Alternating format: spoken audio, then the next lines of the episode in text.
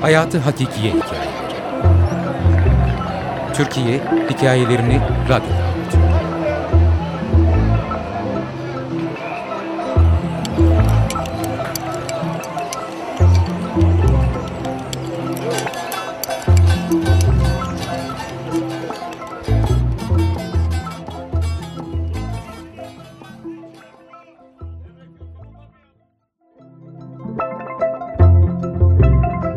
Dedem, koku ve halı. Akşam üzeri ve saat yine o saat, yani 18.50. Gözlerim halının desenlerine dalıp gitmiş. Birbirini takip edip duran kareler, üçgenler, baklava dilimleri. Salonda büyük, halı tek ve tam ortada serili. Eskiden yani gün o gün saat o saat olmadan bir gün evvel bu halıdan bir tane daha vardı. İki halı geniş salonu yan yana serilmiş şekilde dolduruyordu. Bense öğlenden ödevlerimi bitirmiş, halıların desenleri üzerinde kendimce sokaklar yaratarak oyuncak arabalarımı sürmek için salona girmiştim. Dedemi her zaman uzandığı yatağından hafif doğrularak dışarıyı seyrederken bulmuştum. Salonumuz bir süredir yalnızca misafir geldiğinde kullanılan bir yer olmaktan çıkmıştı. Dedem hastalığından beri bizimle kalıyordu. Babam ve annem salondaki kanepelerden birini dışarı çıkarmış ve diğer kanepeyi de pencere kenarına dayayıp dedeme yatak hazırlamışlardı. Ufak adımlarla dedemin yanına sokulup kokusunu içime çekmiştim. Dedemin eski, bu eve, bu mekana ait olmayan kendine has bir kokusu vardı. Dönüp bana bakmış ve bir derin nefeste o almıştı. Belki o da benim kokumu yeni ve kendi zamanın dışında buluyordu. Elini başıma koyarak bir süre bana baktı. Ben yine konuşur, şakalaşırız sanıyordum ama o, hadi içeri git, rahatsızım biraz dinleneyim demişti. O an göbeğindeki şişliği fark etmemiş ve elimde oynamak için bir heves getirdiğim oyuncak arabalarımla salondan çıkmıştım. Oturma odasında oynayamadığım oyuncakları bir kenara bırakmış, televizyon seyrederken kapı çalmıştı. Annem bir telaş açmaya gitmiş ve babam bir adamla içeri girmişti. Salona dedemin yanına girerek yüksek sesli, gülmeye yakın ama her an kırılıp dağılabilecekmiş gibi mutlu bir tonda konuşmaya başlamışlardı. Ben de peşlerinden salona girip ne olduğunu izlemeye koyulmuştum. Doktor bir yandan dedeme nasıl olduğunu sorarken bir yandan da göbeğindeki şişliği inceliyordu. Şaşkın şaşkın baktım. O zamanlar bir anlam veremediğim bu şişliğe neyin sebep olduğunu çok sonraları bir biyoloji dersinde öğrenecektim.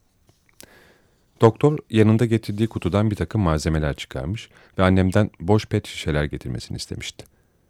O zamanlardan hatırladığım bir diğer ayrıntı da tıpkı doktorun yaptığı gibi herkesin annemden sürekli olarak bir şeyler istiyor ve annemin de bu istekleri yerine getiriyor olmasıydı. Annem bu adeti hiç bozmadan istenilen şeyleri getirmişti. Doktor bir ucu sivri, diğer ucu boş olan hortumun sivri ucunu dedemin karnına yerleştirmiş ve boş ucunu pet şişenin içine sokmuştu. O sıra neden bilmem benim varlığım oraya fazla gelmiş ve odadan çıkmam istenmişti. Ben de tekrar televizyon seyretmek için yan odaya geçmiştim. Bir süre sonra babam ve doktor sigara içmek için mutfağa geçmişler ve aralarında sessizce bir şeyler konuşuyorlardı. Annem de kısık hıçkırıklarla ağlayarak bu konuşmaya eşlik ediyordu. Bir sonraki gün yani gün o gün olduğunda okuldan eve dönüp Aksaray'da oturan halamın kocasıyla birlikte bize gelmiş olduklarını gördüm. Az görüştüğümüzden mi yoksa gerçekten sevilmeye değer olduğundan mı bilmiyorum bu halamı çok severdim. İçimi dolduran çocukça bir sevinçle sarıldım ona. O da beni gördüğü için anlık bir mutluluk yaşamış ama sonrasında genel üzüntü havasına bürünmüştü. Biraz oturduktan sonra diğer iki halam da gelmişti ve ardından babam iki amcamla birlikte eve girdi. Herkeste nedeni anlamadığım bir telaş vardı. Sanki ellerinden bir şeyler kopup gidiyordu ve engel olamadıkları bu durum karşısında çaresiz kalmak onları perişan ediyordu. Şimdi olsa bu kalabalığın ne anlama geldiğini anlayabilirdim. Dedem ölmek üzereydi. Ama o yaşta ölümün ne olduğu hakkında hiçbir fikrim yoktu. O an yani saat o saat olup 18.50'yi gösterdiğinde salondaki kadınlar kendini harap edercesine ağlayarak dışarı çıktılar. Kimi mutfağa, kimi içerideki odaya gidip bir köşede ağlıyordu. Bense ne olduğunu anlamadan öylece etrafa bakıyordum. Bir süre sonra da babam ve amcalarım ellerinde sarılı bir halıyla önümden geçip evden çıktılar. Halıdan bir anlığına dedemin o eski kokusunu duyar gibi olmuştum. Ama nedenini anlayamamıştım. Sonra herkesin terk ettiği bomboş salona girip etrafa bakmıştım. İçeride eksik olan iki şey vardı. Biri halı, diğeri dedem. Kokuysa hala oradaydı. O sırada annem ağlayan gözlerle elimi tuttu ve evden çıkıp gittik. Şimdi 18 yıl sonra 25 yaşımda saatin o saat olduğu anda yerdeki alnın desenlerine dalıp gidiyorum ve dedemi hatırlıyorum. O gece geçiyor aklımdan. Dedemin salonu dolduran kokusunu almaya çalışıyorum. Soyut bir hisle doluyor burnum, ciğerlerim. Olsun diyorum. En azından o kokuyu hatırlıyorum. Dedem, Koku ve Halı Yazar Gökhan Kablan Editör Hakan Bıçakçı Okuyan İksen Mavituna